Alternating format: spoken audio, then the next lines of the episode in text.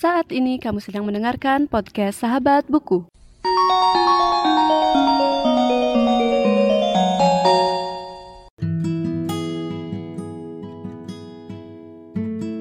Halo semuanya dan selamat datang kembali di podcast Sahabat Buku.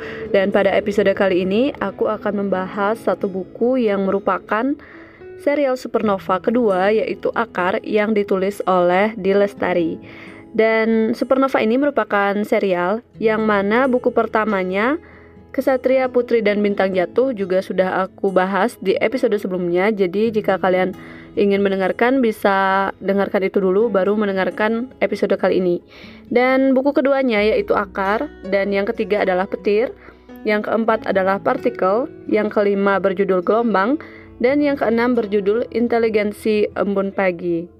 Supernova 2 yang berjudul Akar terdiri dari tiga bab yaitu keping ke-34 yang berjudul Kabut Tak Tergenggam yang selanjutnya yaitu keping ke-35 yang berjudul Akar dan keping ke-36 yang berjudul Selamat Menjadi Es. Oke, jadi novel ini juga bergenre fiksi ilmiah sama seperti Kesatria Putri dan Bintang Jatuh karena merupakan sequelnya. Dan kita langsung aja ke sinopsis dari novel Supernova kedua yaitu Akar. Sinopsis dari novel Akar dimulai dengan keping ke-34 yang berjudul Kabut Tak Tergenggam yang menceritakan dua tokoh yang sebelumnya sudah ada di novel pertama yaitu Kesatria Putri dan Bintang Jatuh dan tokoh tersebut adalah Gio dan juga Diva. Nah, setelah itu di keping ke-35 yaitu ya, keping yang berjudul Akar, diceritakan si tokoh utama dalam novel ini yaitu Bodi.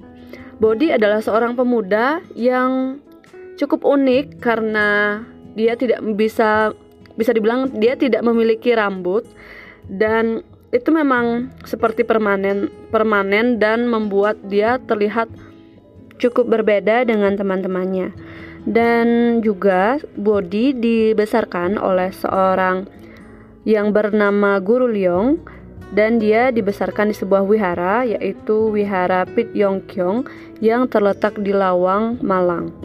Dan selanjutnya pada saat Bodi sudah beranjak dewasa, dia mulai uh, berpetualang di negara-negara di Asia Tenggara seperti Thailand, Laos, dan Kamboja. Namun petualangannya ini tidak memiliki tujuan yang jelas karena uh, Guru Leong berkata dia hanya harus pergi dan menemukan dan nanti dia akan menemukan tujuannya dia.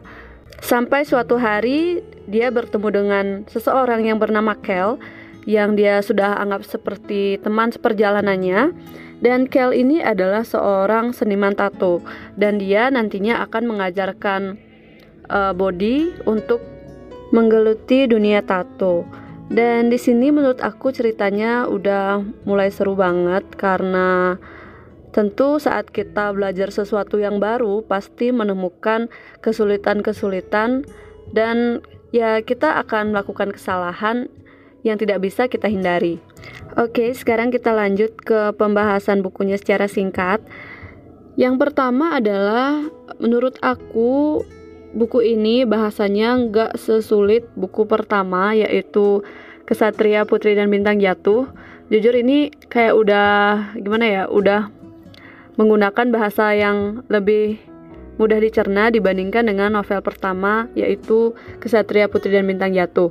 Dan selanjutnya ceritanya itu mengalir banget dan tidak membingungkan karena uh, menurut aku waktu membaca bagian tokoh body kita dibawa me untuk menelusuri apa yang dia lakukan selama istilahnya uh, bagaimana sih perjalanan si tokoh body ini selama di Asia Tenggara. Dan beberapa kisah cukup lucu karena ketidaktahuan body tentang arah dan juga lokasi yang dia uh, tempati.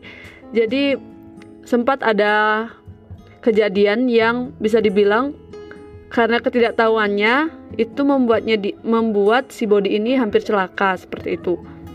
Dan yang selanjutnya yaitu ada beberapa hal yang menurut aku baru dan dibahas cukup berani yaitu sedikit bersinggungan dengan agama dan juga uh, tentang narkoba gitu. Jadi kayak nanti ada uh, bagian di mana ada pembahasan tentang um, bisa dibilang seperti uh, ganja dan juga uh, seperti perkebunan ganja gitu seingatku.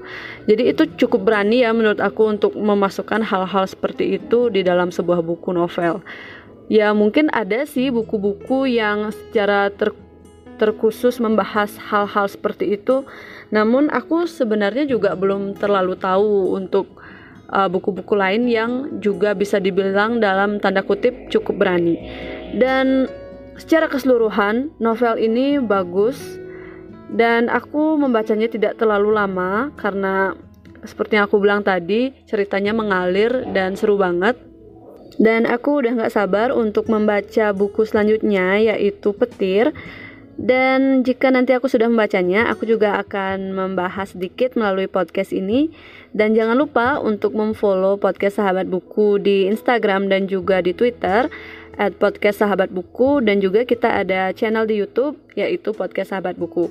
Dan itu saja untuk episode kali ini. Terima kasih sudah mendengarkan dan sampai jumpa di episode selanjutnya.